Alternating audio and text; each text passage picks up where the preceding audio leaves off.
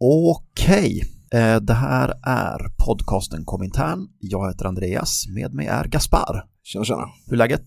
Det är fint, det är bra. Lång eh, arbetsvecka men eh, det ska bli gött med helg. Det ska det. Det är fredag, det är sent i september och vi har precis spelat in en ungefär timslång intervju med Andreas Rasmussen. Jag tyckte den blev svinmysig. Ja, långdistanssamtal till Danmark. Eh, Men med god svenska skulle jag ändå påstå. Jag tror inte det kommer vara svårt att hänga med i svängarna. Nej, det var en väldigt försvenskad danska. Det är inte superofta vi spelar in på distans. Jag hoppas ljudkvaliteten håller.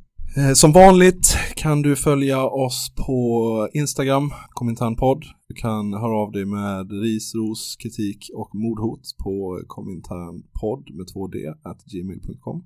Och vi skulle vilja passa på att tacka GRK East för introt. Just det. Vi har också blivit en Patreon-podd. Det måste vi börja säga när vi pluggar nu. Patreon.com slash kominternpodd. Där hittar man ännu mer podd om man är beredd att betala för sig. När avsnittet är slut så kan ni hänga kvar för en, för en hymn från en av vår tids stora subversiva sångerskor, Céline Dion. Det är gästen Andreas Rasmussen som har fått önska outro. Ska vi rulla bandet? Jajamän. Ja, då kör vi. Komintern.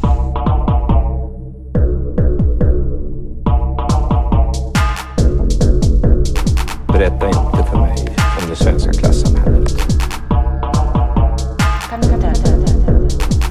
Jag har sett det. Jag har växt upp i det. Jag hatar det. Välkommen Andreas. Vill du presentera dig själv? Det kan jag göra. Jag heter Andreas och är 35 år gammal och bor i Köpenhamn. Jag är aktiv i danska eh, motsvarigheten till researchgruppen GAM. Eh, vi är en grupp som kallas Researchkollektivet Redox och jag har varit aktiv inom Antifa-rörelsen i Köpenhamn sedan 2003. När jag inte är politiskt aktiv då jobbar jag som frilansjournalist och jag har precis släppt en bok som heter Fängelseshandboken på danska. Just det, för svenskar så tänker jag att ditt för och efternamn kommer ringa en klocka ändå. Du har skrivit en bok på svenska förut. Det har jag gjort ja. Eh, det är eh, Ingen jävla hjälte som handlar om Showan som eh, attackerades eh, av NASA på Möllan under natten mellan 8 och 9 mars 2014. Um, och jag kände Showan sen innan och när han väl liksom kom ut från uh, sjukhuset och började återhämta sig och uh, kan man säga försöka ta upp sin vardag igen. Då pratade han och jag om att skriva en bok om hans liv och vad som har hänt innan men även liksom hela efterspelet från den natten med rättegången och hur det var med läkarbesök och allting liksom för, hon, för honom att försöka återvända till sin vardag. Eh, och den släpptes, ja, om jag minns rätt, hösten 2016. Och det, det var en, en skitbra bok, om jag får säga det själva. Det kan man få unna sig. Eh, Men du nämnde fängelsehandboken och det var den vi, det är därför vi har ringt dig för att prata om den. Om vi börjar med frågan varför har du skrivit den? Ja, det är en bra fråga. Jo, men jag har eh, suttit häktad själv två gånger och avtjänat ett coachstraff också. Um, och varit med om, kan man säga, solidaritetsarbete med politiska fångar under eh, flera år. Och jag tycker det är en väldigt viktig fråga. Och det finns inte särskilt mycket material som är sammanställt. Alltså typ i Danmark har typ kriminalvården gett ut några broschyrer och sånt. Uh, det finns en hemsida där man typ hitta viktigaste informationen. Men det finns inget samlat verk där man liksom kan läsa allting kring häkte och avtjäna och hur det går till på rättegång, hur det går till när man släpps, allt sånt. Och det, jag, jag, jag kände att den boken fattades och därför skrev jag den. Ja, för det närmaste man kommer, som jag känner till i alla fall, är väl en annan dansk bok som heter Att leva i fängelse. Som är skriven av eh, Torki Lausen, eller hur? Tittade du på den innan? Eh, absolut. Men, det, Ja, men ja. utanför den, eller bortom den, vet jag inte om det finns så mycket mer. Nej, i alla fall inte på danska. Eh, det finns i Norge finns det en grupp som heter Jusbus som är typ juridikaktivister som har eh, skrivit en bok som heter um, Fånghandboken om jag, om jag inte minns fel. Eh, och den har släppts typ varje femte år sedan 1987. Så den har typ existerat lika länge som jag har levt. Eh, och de ger ut typ nya versioner eh, typ varje femte år eller så. Eh, när det har kommit typ så, eh, så pass mycket ändringar inom kriminalvården, inom lagen, lagstiftningen. Att det, att det känns eh, nödvändigt med nya versioner. Och jag, jag vill jättegärna att den här boken ska bli likadan.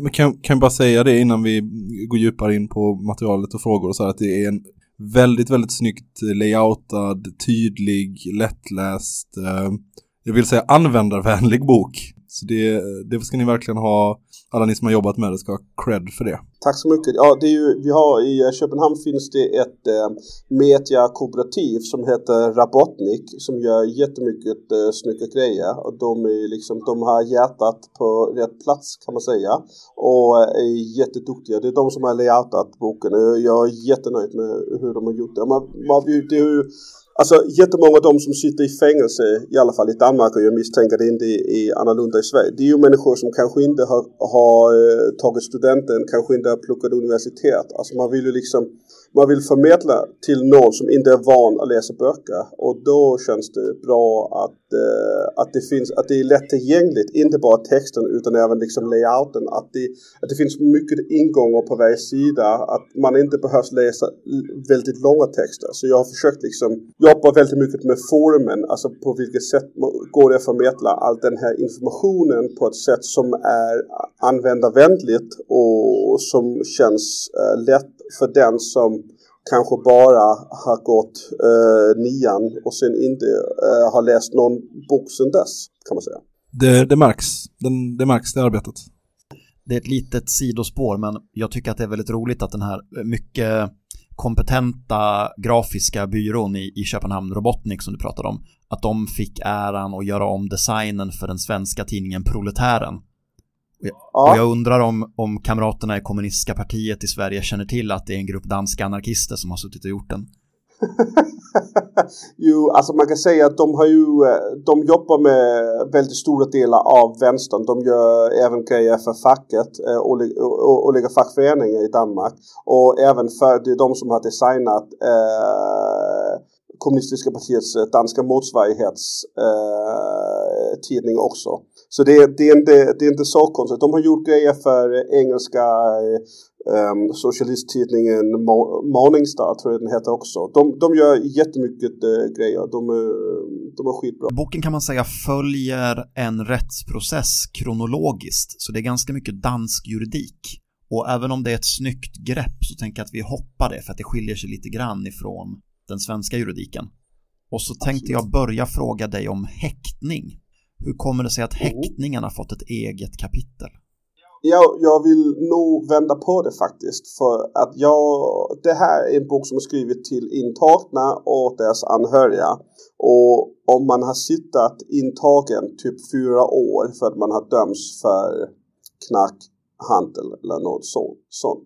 Då känner man fängelset inifrån, man känner reglerna, man känner fängelsets inre liv. Det är inte de som har suttit fyra år i fängelse som behöver den här boken. De som behöver den här boken, det är de som grips uh, för att de misstänks för någonting och sen häktas och sen sitter häktat kanske tre, kanske sex, kanske 18 månader. Och även deras anhöriga. Så man kan säga, även om den heter fängelseshandboken. Då, den skulle kanske kunna heta häkteshandboken för det, det är väldigt mycket fokus på häktesdelen. Jag skulle säga att den, det kanske tar upp typ 70 eller 80 procent av boken. Men det, ja, det, det är väldigt medvetet för det är där man behöver flest informationer. Det är där eh, läget är som mest hektiskt. Både för den intagna men även för den anhöriga. För att man liksom måste klura ut hur fan gör man med lägenheten? Hur gör man med jobbet? Eh, hur gör man med besök? Hur gör man med brev? Får man lämna in pengar? Får man lämna in bilder? Vad fan får man lämna in? Eh, när ska det bli rättegång? Hur kommer det gå? Hur ska det liksom bli av allting? När man väl har fått sin dom och avtjäna sitt dom i någon anstalt, då är det ju annorlunda läge. För då vet man vet först och främst när man ska släppas och man vet vilka villkor som kommer gälla när man avtjänar sitt straff. Uh, Och därför känns det som att det var mest nödvändigt med information kan man säga för de som är i första delen av sitt fängelses liv oavsett om de är intagna eller anhöriga. Eh, ja, det tror jag också. Jag, jag tänker att eh, alla som någonsin har varit i väntans tider i en rättsprocess eh, vet att det kan vara väldigt, väldigt påfrestande. Och sitter man dessutom häktad befinner man sig ofta i en situation av maktlöshet som gör det ännu svårare. Jag tänker, det handlar ju, boken är ju skriven utifrån en, en dansk eh, perspektiv, eller ett danskt perspektiv, eller en dansk synvinkel. Ehm, och då eh, vill, har, är du liksom, vågar du uttala dig om skillnader mellan svensk häkte och dansk häkte? Känner du att du har koll nog att göra det? Ja, jag har väldigt koll. Alltså jag har inte själv suttit häktad i Sverige och det är jag väldigt tacksam att jag inte har. Min absolut klara övertygelse är att det är sämre att sitta häktad i Sverige. Absolut. Alltså det finns fler restriktioner och färre möjligheter. Ehm, en skillnad är att vad som vi kallar isolation i Danmark är ju typ motsvarigheten till vanligt häkte i Sverige i alla fall. Uh, känns det som att det är väldigt mycket färre möjligheter när man sitter häktad i Sverige än det när man sitter häktad i Danmark. Det är väl min bild också. Jag blev nästan lite förvånad när jag läste om, om ja, men vilka olika möjligheter man hade till eh, att träffa folk, olika former av aktiviteter, eh, olika ja, men, ja, men, möjligheter som man har på olika sätt sysselsätta sig ändå som, som finns i, i dansk häkte om man jämför med, med svensk häkte. Jag, jag, ska säga, jag har inte heller varit häktad. Så, men eh, från vad jag har läst och, och talat med kamrater och så. Ja, jag, men jag, jag, tror du har absolut rätt. Eh, vad som jag upplever det måste man även lägga till att eh, vad jag beskriver i boken är ju också kan man säga vad man på pappret har för rättigheter. Sen är praktiken ju oftast väldigt annorlunda. Alltså det är väldigt, väldigt stor skillnad från häkte till häkte. De stora häkten där det sitter mycket folk från gängmiljön, där är det inte lika många möjligheter. Om du sitter på något litet häkte, kanske bara 20 intagna, då, några av de ställen, då, de har eh, öppnat dörrar från sju på morgonen till sju på kvällen. De får gå in på sitt rum och lämna sitt rum som de vill under hela dagen. Eh, det finns inte så många av de eh, häkten kvar, men det finns några. Uh, men sitter du på några av de stora häkten där det är mycket uh, kalabalik mellan intagna och vakter, då, då är det mycket mer restriktivt. Jag uppskattar särskilt uh, det lilla tobaksskåpet som jag läste om. Uh, att ja. man eftersom man inte får ha pipa eller rullpapper eller sådär på rummet, men man ändå har möjlighet att, att, röka på när man är ute på rasten så finns det uh, ett, litet, ett litet skåp som man har en nyckel till utanför cellen där man kan få vara lite röktyg. Ja. Det låter väldigt trevligt, alltså, det låter gemytligt på något sätt. Ja, ja alltså jag, jag, jag röker inte, när jag satt eh, häktat senast då var det, då var det inte eh, rök förbjudet eh, inomhus än. Eh, då var det så folk rök inne på sina eh, rum. Uh, men det har ändrats alltså det var väldigt stor konflikt. Alltså det ledde till jätte, jättemycket konflikt på, på häkten för att det var en av de enda grejer de intagna hade kvar liksom. Det var att de fick röka inne på sitt rum. Men om du bara har en timmes rast varje dygn då har du 23 timmar utan möjlighet att röka. Mm, du var inne lite grann på isolering där. Hur ser isoleringen ut i Danmark och hur gör man för att överleva den? Oh, det eh, är inte roligt i alla fall. Alltså jag satt, häkt, eh, jag satt häktat eh, i isolation sex veckor och det var under 2010. Och det betyder att man får inte vistas med andra intagna. Man, när man har rast har man det ensam i en sån väldigt liten gård. Typ som ett uh, pizza slice. Ehm, man får ha besök men det sitter en eh, i, i, i, i, mitt tillfälle var det en ehm, en kille från eh, underrättelsetjänsten som satt med på alla besök och det var typ 50 minuter en gång i veckan. Man får skriva brev men de läses igenom av polisen. Ehm, man får prata med typ präst och imam och uh, även en psykolog Eh, så det finns liksom elitmöjligheter att göra någonting annat. Sen får man lämna sitt rum typ två, tre gånger i veckan för att gå till ett väldigt, väldigt litet och dåligt utrustat gym och träna en timme. Eh, men annars sitter man ju inne på sitt rum vanligtvis 23 timmar i dygnet och har inte kontakt med någon annan. Men man har eh, radio och man har TV. Och vad som jag har fattat är om man sitter häktad i Sverige med fulla restriktioner då har man inte tillgång till det. Och eh, man har även möjlighet att köpa tidning. Eh, vilket var jätteskönt för min del i alla fall. Jag misstänker att det inte är särskilt många intagna som, som köper tidning. Men det är ju några som gör det. Jag tyckte att det var jätteskönt. Eh, så, och det har jag, så som jag har fattat det, då får man inte ha tidningar om man sitter med fulla restriktioner i Sverige. Det, det vet ni nog bättre än jag. Jag vet inte hur det är med tidningar, men, eh, men tv och radio eh, tror jag är sällan man får tillgång till. Ja, tidning eller ej så är det ju tortyr i alla fall. Mm. Absolut, och det, man blir ju, man blir ju äh, konstig i huvudet. Alltså det, jag, alltså det är 11 år sedan jag släpptes från isolation. Jag har fortfarande liksom vissa efterverkan från dess. Alltså jag, jag tycker det är skönare att vara ensam än att vara ihop med många människor. Det är inte så att jag inte kan gå ut bland andra människor, det, det gör jag ju varje dag. Men Ehm, jag är absolut inte lika pepp eh, på att eh, gå på stora tillställningar med många människor som jag var innan. Um, och det, det är absolut något, någonting som har kommit efter dess. Men om man bara har varit med sig själv under sex veckor då, då är man ju inte så van vid, uh, vid att det finns folk runt igen. Uh, nej, alltså jag har, jag har skrivit innan, jag, det här med isolation är någonting som har tagit upp mycket i, av min tid senaste tio åren. För jag, när jag släpptes eh, då, ehm, då blev jag en del av någonting som heter eh, Skandinavisk isolationsnätverk som är sådär forskare och praktiker från eh, kriminalvårdsvärlden i hela Skandinavien och de träffas några gånger i året och pratar och jag var den enda intagna men jag har skrivit, med, skrivit några bidrag till en antologi, jag har pratat på några konferenser och så och det, jag tycker ju att det isolation det gör absolut inget bra. Jag hade själv eh, självmordstankar när jag satt där, i alla fall de första veckorna. Jag har skrivit om det också. Eh, att det är skitjobbigt. Man mår verkligen inte särskilt okej okay, Uh, när man sitter isolerad. För det finns liksom inget annat än all ångest och all bekymmer. Det finns inget som kan ta bort uh, det. Nej, och det här är ju otroligt, alltså det är ju särskilt groteskt eller inhumant eller vad man ska säga, eftersom man, ja men man är ju inte ens dömd. Det finns ju liksom inget, uh, det är inte så att man sitter av någon tid eller du vet något straff, eller ja, det, jag tycker att det är groteskt och inhumant även som straff liksom. Eh, fängelse i sig är ju inhumant och groteskt, men även med liksom, eh, jag vet inte, den liberala statens egen måttstock så borde det ju vara, anses vara mag, magstarkt liksom. Men ja. Ja, absolut. Absolut.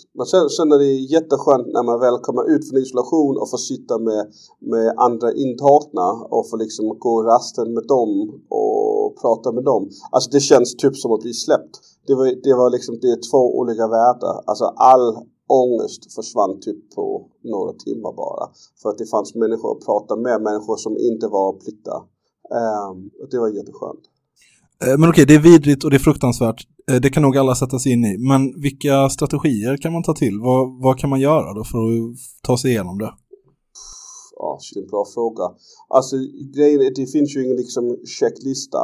Uh, jag tyckte själv att det var bra att gå upp på morgonen och se till att ta min rast så att jag fick frisk luft och se till att inte gå och lägga mig allt för sent på kvällen för att uh, om man sover bort dagen då missar man ut med sol, man missar möjligheten för att duscha, man missar möjligheten att gå och träna. Alltså det här med, även om det känns uh, skit att känna sig tvungen att följa det dagsschema som kriminalvården har lagt upp för en. Då, då var det ändå bra att göra det på det sättet för att man fick någon sorts liksom, daglig rutin.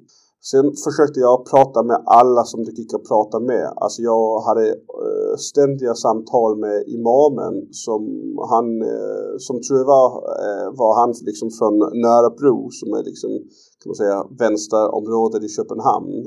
Så vi liksom hade många gemensamma referenser och vi pratade om allt möjligt. Jag fick komma ner till hans kontor en gång i veckan och prata om allt möjligt.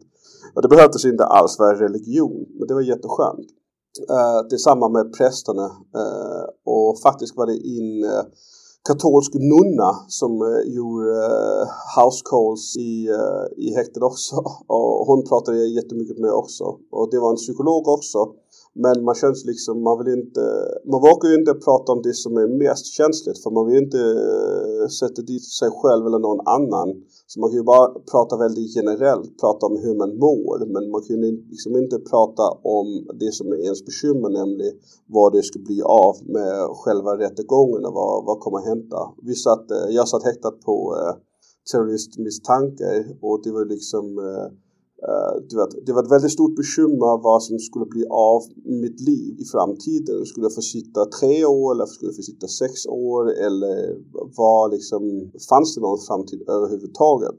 Och allt det gick det ju inte att prata om för att uh, man fattade liksom att allting skulle hamna med vid uh, eh, danska Säpo till slut. Liksom. Ja, eh, vad skönt att du klarade dig så här väl ändå Andreas, får vi, får vi passa på att säga.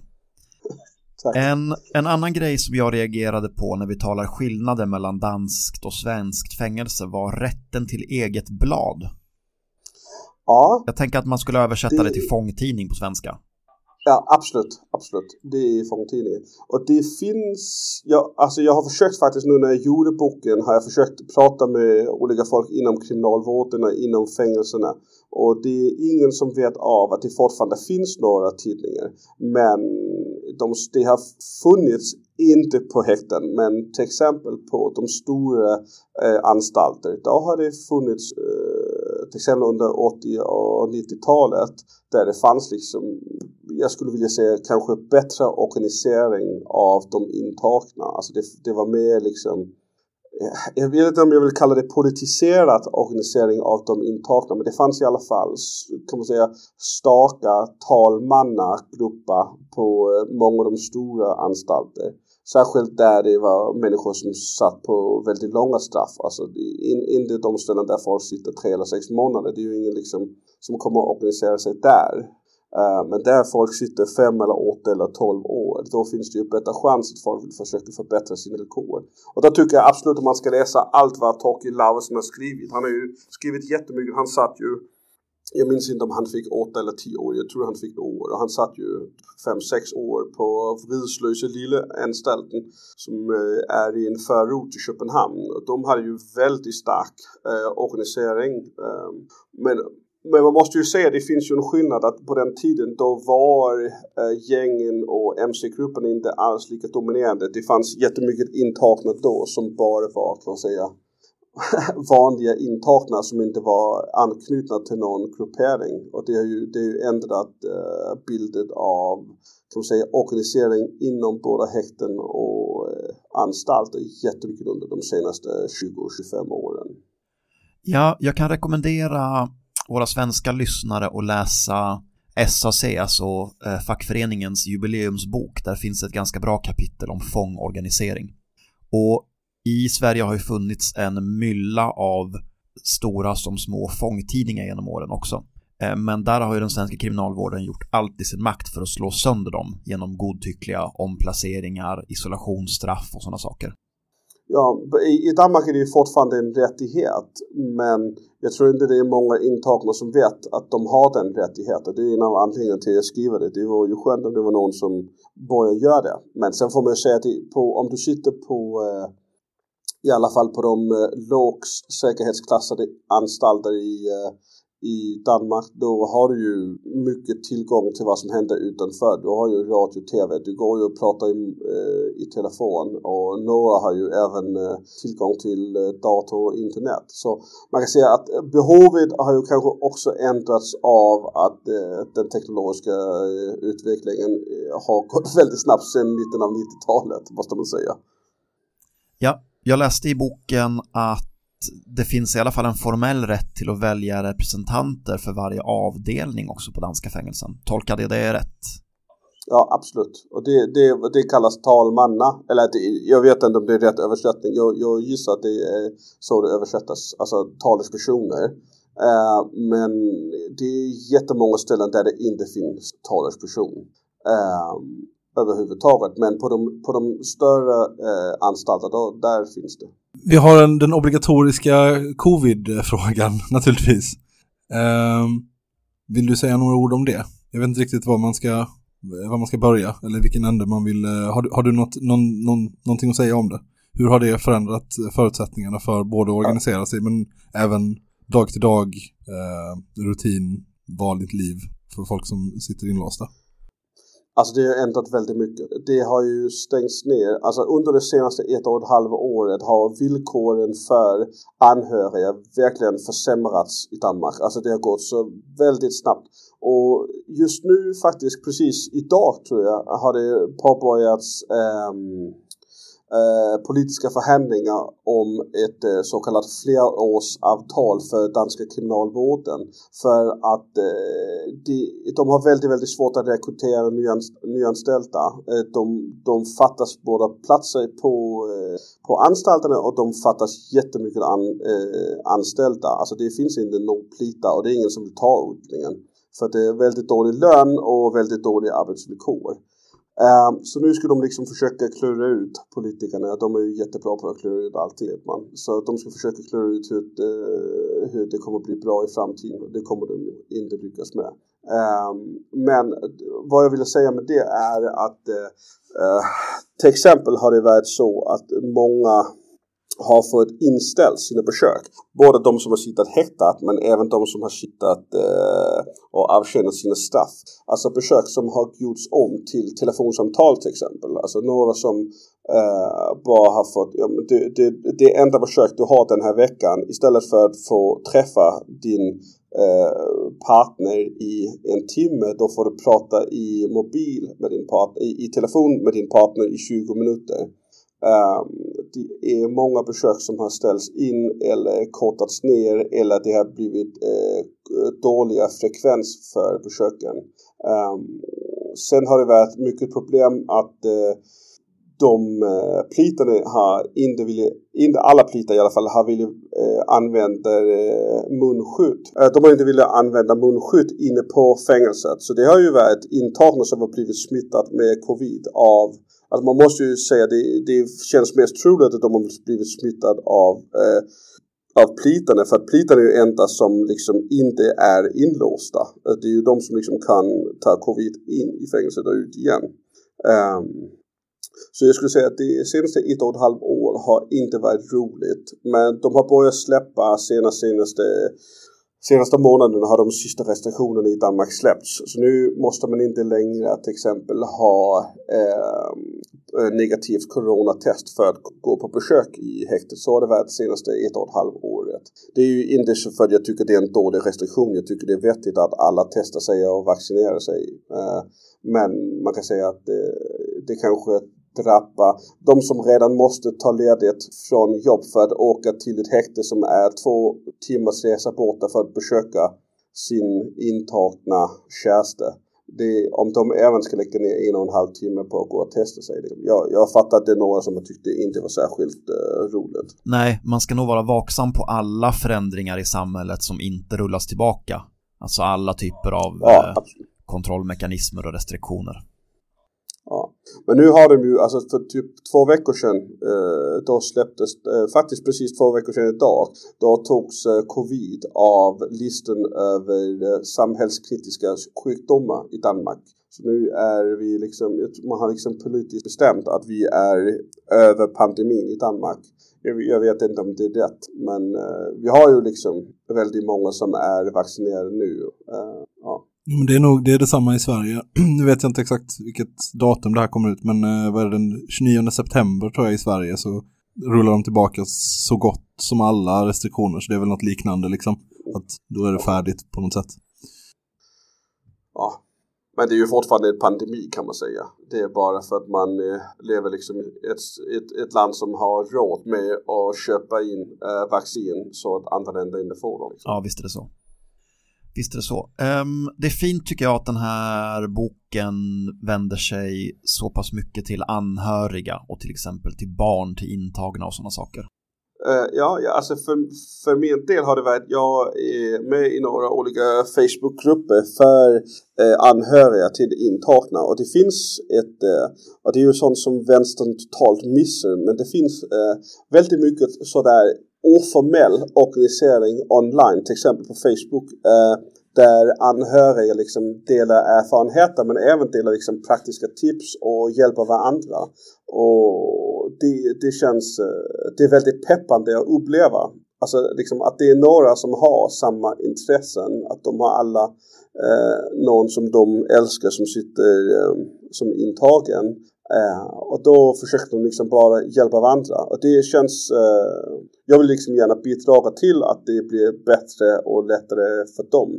Eh, det är ju inte de eh, som har, eh, har misstänkts för något brott eh, eller dömts för något brott. De är ju liksom Vissa av dem kanske vet att den som sitter intagen har hållit på med eh, kriminella saker men i och för sig det är ju inte de som har gjort det. Eh, ändå drabbas de ju väldigt hårt också. De drabbas ekonomiskt, de drabbas socialt det är ju många som blir liksom stigmatiserat för att eh, ja, hans pappa sitter i fängelse. Eh, och då är det ju, alltså om, om, du är barn och går i skolan och eh, de andra de andra barns föräldrar fattar att din eh, pappa sitter i fängelse. Det, det kanske inte blir lättare för dig att få lägeavtal med de andra barn. Uh, eller bli bjuden på kalas. Um, det finns, det, det, jag skulle säga att det är många ringar i vattnet uh, när någon sitter uh, häktad eller avtjänar ett straff. Och det är många som drabbas som inte har gjort någonting olagligt. Och jag tycker det i samhället generellt finns allt för lite fokus på att eh, hjälpa dem. Det finns en eh, bra organisation i Danmark som heter SAUN, alltså Saknat eh, som gör en mängd bra aktiviteter och upplysningsarbete för eh, anhöriga. Jag har haft mycket samarbete med dem och de har fått eh, några låtar av boken också som de kan dela ut till anhöriga. Och det, jag tycker det är en väldigt viktig fråga. Jag har, jag har tänkt mycket på det här med vänsterns, kan man säga, eh, frånvarande i hela fångpolitiska eh, området. Det är någonting vi kan prata jag, jag känner jag jättegärna vill prata om. Det kanske inte är rätt fråga att uh, svar, börja prata om jo, detta. Jo, det tycker jag absolut. Nu pratar vi om anhöriga. Uh, nej, men jag, var, jag har tänkt mycket på det sen jag började skriva boken. Och särskilt nu när boken har släppts och jag har, ser liksom, börjar se att eh, typ reaktionerna på boken. Att eh, det fattas verkligen eh, fångpolitik på vänstern. Vi, vi är jättebra på att köra typ kampanjer när några av våra egna kamrater sitter häktade och det tycker jag är jätteskönt.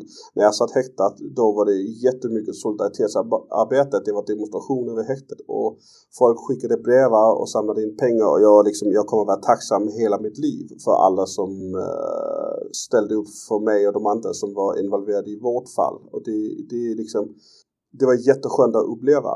Men när man sen väl kollar på fångpolitik bredare, mer generellt och inte bara på när våra eh, politiska kamrater häktas för politiska grejer. Då fatt, det fattas ju politiska diskussioner om frågan.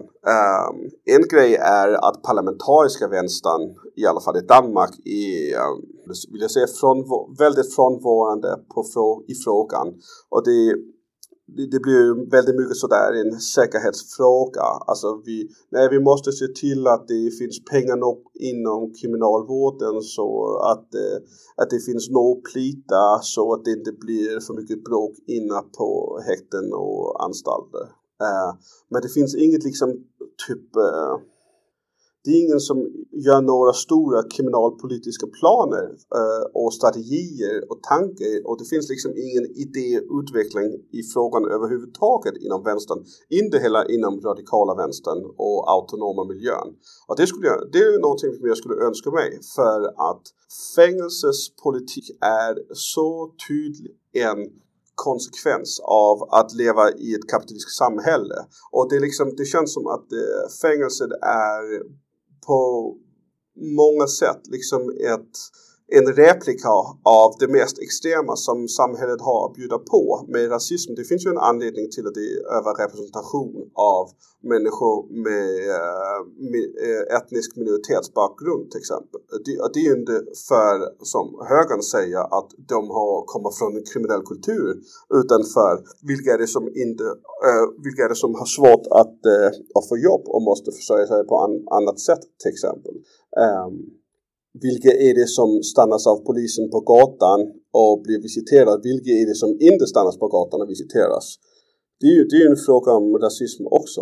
Eh, och jag tycker att uh, det, det, fängelsens politik är ju klasspolitik och jag saknar jättemycket att vänstern fattar det. Att det inte bara är en fråga om, kan man säga, eh, ja vi måste ju se till att det inte blir bråk inne på anstalterna och att plitarna eh, inte lämnar sina jobb för att de tycker det är jobbigt och blir hotade när de går till jobbet. Jag fattar det måste vara skitjobbigt att vara plit. Eh, det, det, måste verkligen inte vara något roligt jobb. Men det kanske inte är den viktigaste frågan för vänstern. Eh, nej, där är vi helt överens. Um, och, och, för, och även om bristande rättspolitik, absolut, och det finns ju ingen idag som talar överhuvudtaget om att ett rättssystem skulle kunna se ut på ett helt annat sätt.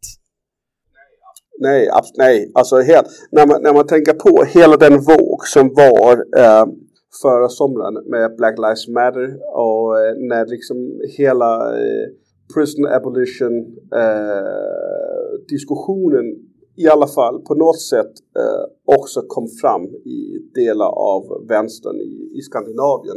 Man fattar ju liksom, det, var in, det är inte någonting vi har hört innan.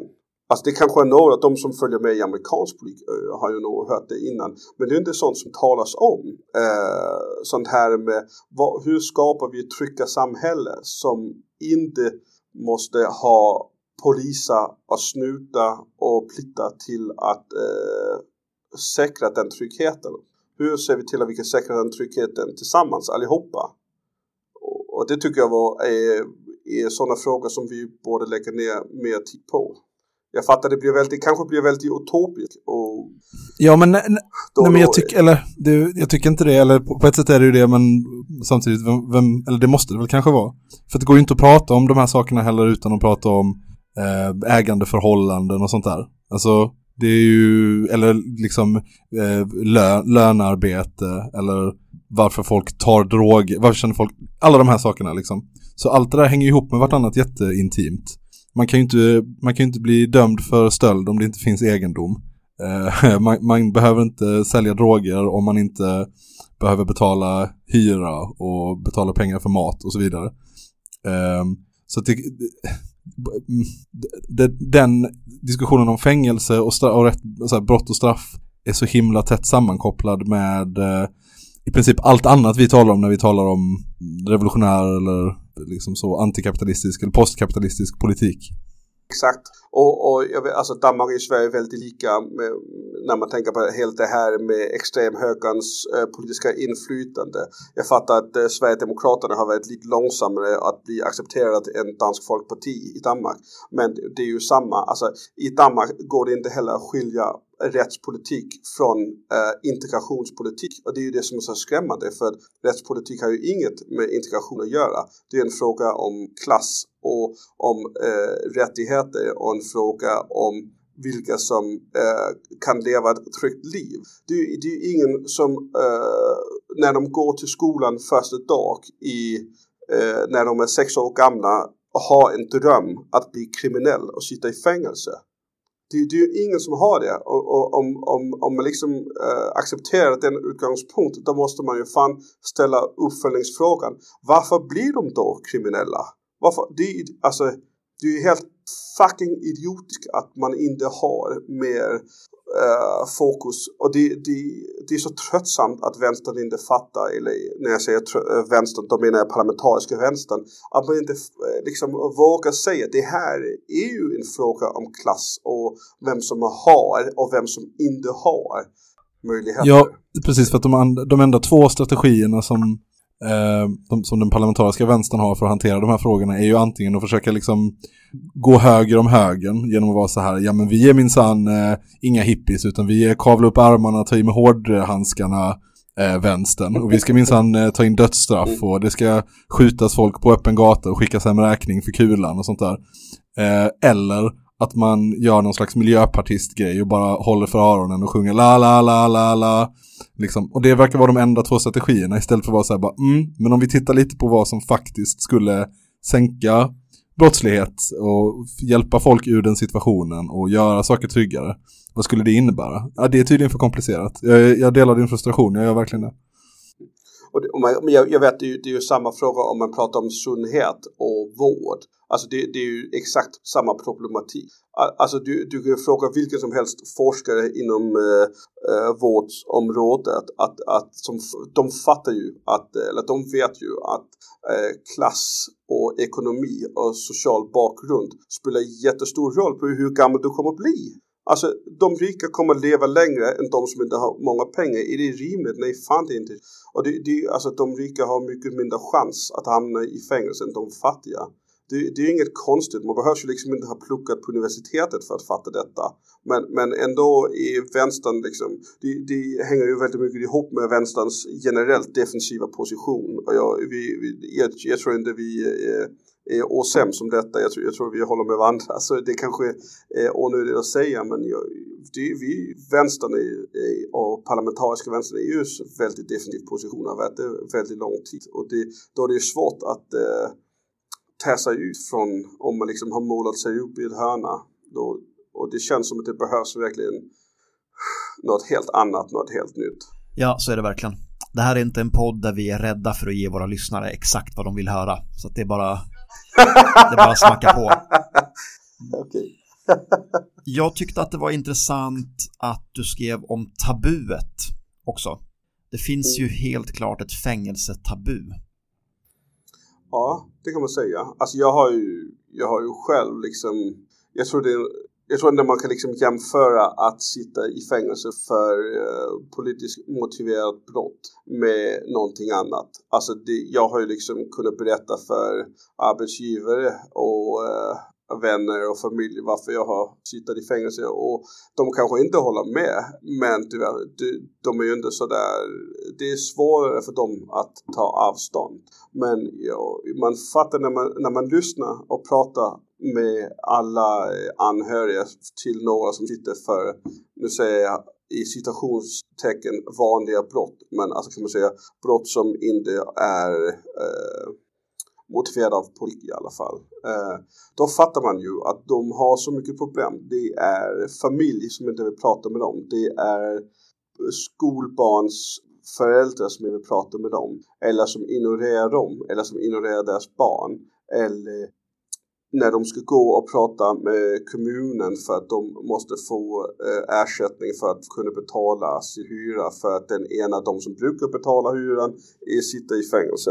De, alltså de, de drabbas av så mycket ehm, stigmatisering eh, och det har stora konsekvenser, inte bara för den som är intagen. Den som är intagen sitter ju med andra intagna. Det är ju inte, det är inte pinsamt att sitta i fängelse när du sitter i fängelse. Det är ju pinsamt för när de kommer ut och ska försöka berätta det för andra. Jag tänker att, att även om tabuet alltid har funnits där så måste det bli mer påtagligt idag där jag på en minut kan ta reda på vilka som bor i min trappuppgång som är dömda för brott och där alla arbetsgivare har satt i system och begära ut registerutdrag och så vidare och så vidare.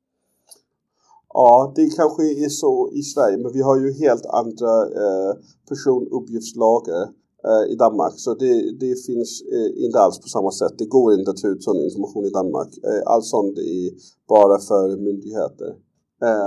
Så jag, jag, skulle säga, jag tror inte det, det har påverkats på samma sätt som det har i Sverige. Jag fattar att det, den tekniska utvecklingen att alla kan begära ut en dom via mail. Det, det måste såklart påverka hur det är i Sverige. I Danmark tror jag inte det är lika tydligt. Ehm, men vad man kan säga i Danmark skulle jag säga att Eh, det är nog så att det har blivit sämre ändå nu än för 20 år sedan. Det, det, skulle jag gissa, men jag har inget liksom bevis för att det är så. Men jag tror man kan säga att det pratas ju hårdare om kriminalitet, kriminalitet idag än det gjorde på 80 och 90-talet. jag tycker såklart att min bok är skitbra. Men eh, nej, jag, jag, jag, jag, tror att det finns potential. På samma sätt som eh, många i vänstern har engagerat sig i fråga om utförsäljningen av några av Stockholms förorter och Göteborgs förorter. Det känns som liksom, eh, det är ju frågor som rör vanligt folk i solstecken och det är folk inom radikala vänstern som är väldigt, väldigt bra på att engagera sig i de frågorna och hjälpa till att organisera rörelser som vill jobba med frågan. Och jag tror i och för sig att det finns plats och politisk utrymme för en, kan man säga, en absolut vänsterinriktad och solidarisk politisk organisation som vill jobba med fångpolitik från ett eh, vänstersolidarisk utgångspunkt. För att alla organisationer som finns i Danmark idag är, kan man säga, eh, det vill jag inte att det ska låta negativt, men det är sådana klassiska NGO grupper, Alltså några som får pengar från staten och där till exempel många av de som jobbar där kanske till exempel tidigare har jobbat inom kriminalvården och de har ett väldigt sådär individfokuserat perspektiv. De gör till exempel, det finns grupper som gör eh, terapi för eh, människor som precis släppts eller hjälper dem hur, att, att söka jobb och gör alla möjliga jätte, jättebra och sköna saker. Men det är totalt individfokuserat. Alltså att försöka hjälpa det, den enskilda individen att få ett bättre liv och klara sig igenom en svår situation. Jag, jag tycker det är väldigt sympatiskt och jag, det, det är några organisationer som jag har väldigt stor respekt för. Men de biter inte den handen som äh, fotrar dem kan man säga på danska. Jag vet inte om man säger så på svenska. Eh, alltså okej, okay, eh, det är liksom, de driver ju inte kritisk eh, fångpolitik. De, de ställer kritiska frågor till politikerna och de ger, kan man säga, när de blir tillfrågade då har de ju bra, eh, bra inspak i debatten men de har inte ett radikalt utgångspunkt och de vill inte liksom försämra sin egen situation heller. Och jag, jag känner att i Danmark och det, jag skulle gissa det är precis likadant i Sverige, då finns det plats för någon som, nu säger jag allt åt alla, jag vet att eh, det kanske inte är alla är lyssnare som är allt åt alla fanboys men det, det finns kanske några. Eh, alltså det sättet som jag i alla fall utifrån har upplevt att eh, allt och alla jobbar med, med många politiska frågor tycker jag eh, känns väldigt bra och logiskt och någonting som jag tror stor framtid i. Jag tror att man skulle kunna göra precis samma med fångpolitik. Alltså göra praktiska, konkreta, solidariska eh, grejer där man stödjer konkret båda intagna och anhöriga samtidigt som man driver eh, ty, eh, radikal fångpolitik på frågan. Har du fått några eh, reaktioner eller liksom har, har du kommit i kontakt med folk du kanske inte annars hade kommit i kontakt med genom eh, boksläppet? Ja, alltså nu, det är ju väldigt nyligt eh, så det har inte hänt så mycket än. Men jag har varit på möten med olika organisationer som gärna vill använda boken i deras arbete. Alltså några av de här organisationerna som gör eh, solidaritetsarbete, eller nej solidaritetsarbete är fel ord. Några av de här organisationerna gör eh, hjälp och stödarbete för intagna anhöriga att de vill gärna liksom använda boken både när de är ute i eh, häkten och anstalter när jag pratar med de intagna men även när de gör grejer eh, utanför för de anhöriga. Sen långsiktigt är det ju såklart, eh, skulle jag drömma om att eh, att det blev så att eh, kriminalvården skulle köpa 4000 ex och dela ut till alla intagna. Men jag, jag misstänker att de inte kommer göra det. Mm, nej, för att eh, det hade ju varit eh, nice om den kunde distribueras eh, ut till intagna på det sättet. Men det finns ingen annan möjlighet att göra det. Ni har inte funderat på, eller du har inte funderat på andra vägar och liksom sprida den till behövande. Jo, alltså jag, jag, jag har försökt liksom gå i alla vägar runt. Liksom. Alltså jag, det, jag har pratat med eh, advokaterna så att de vet, jag vill ju att de ska veta att de kan rekommendera boken både till anhöriga intagna. Jag har, vi har gett gratis, vi har gett bort 600 exemplar nu. Olika organisationer som jobbar eh, direkt med intagna eller direkt med anhöriga eller liksom eh, indirekt med båda grupperna. Um, till exempel till uh, de som är fängelsepräster och uh, olika organisationer dess. Ehm, men jag tror det kommer att bli ett långt och segt drag. Eh, jag tror att om, om vi pratar igen om ett år tror jag det ser väldigt annorlunda ut. Boken har bara varit på gatan typ sex veckor nu. Så det har inte, vi, liksom, vi, är, vi är väldigt tidigt i processen skulle jag säga. Okej, eh, det är väl inte alls omöjligt att vi kan pratas vid igen om ett år. Eh, om inte om det här så om någonting annat. Ja. Vi- Om ni inte sitter Ja. i fängelse. Eh, det kanske går att lösa på något sätt. Folk spelar ju in eh, rapplåtar och grejer i fängelset har jag hört. Det ska väl gå att spela in podd. Vi börjar närma oss en timme. Ja, är det någonting Ja. som du tycker vi har missat Andreas? Någonting som du gärna vill få med, vill få berätta?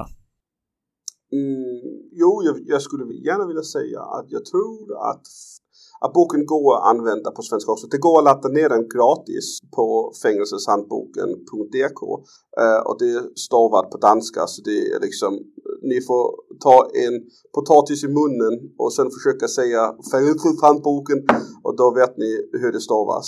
Vi lovar att länka den i avsnittbeskrivningen också. eh, det var skitkul. För att, alltså såklart finns det mycket med dansk juridik. Men det finns även jättemycket saker som jag skulle säga är mer generella. Och kommer funka oavsett om man är i Danmark eller Sverige eller Norge eller något annat land. Ja, men det skulle jag också säga som har läst den precis. Absolut användbar. Om det finns någon där ute som vill göra en svensk version då ställer jag gärna upp och bidrar allt vad jag kan bidra med.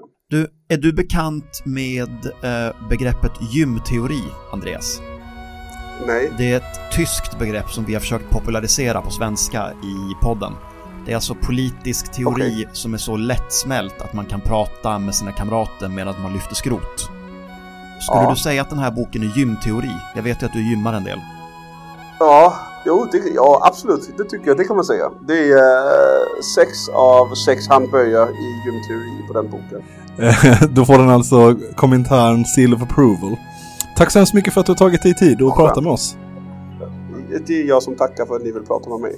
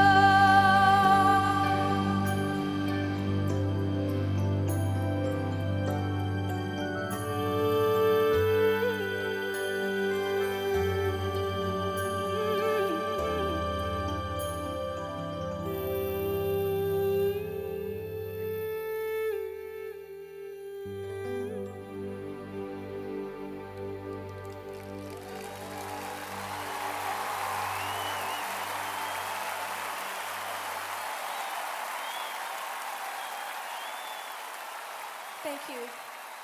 Good night.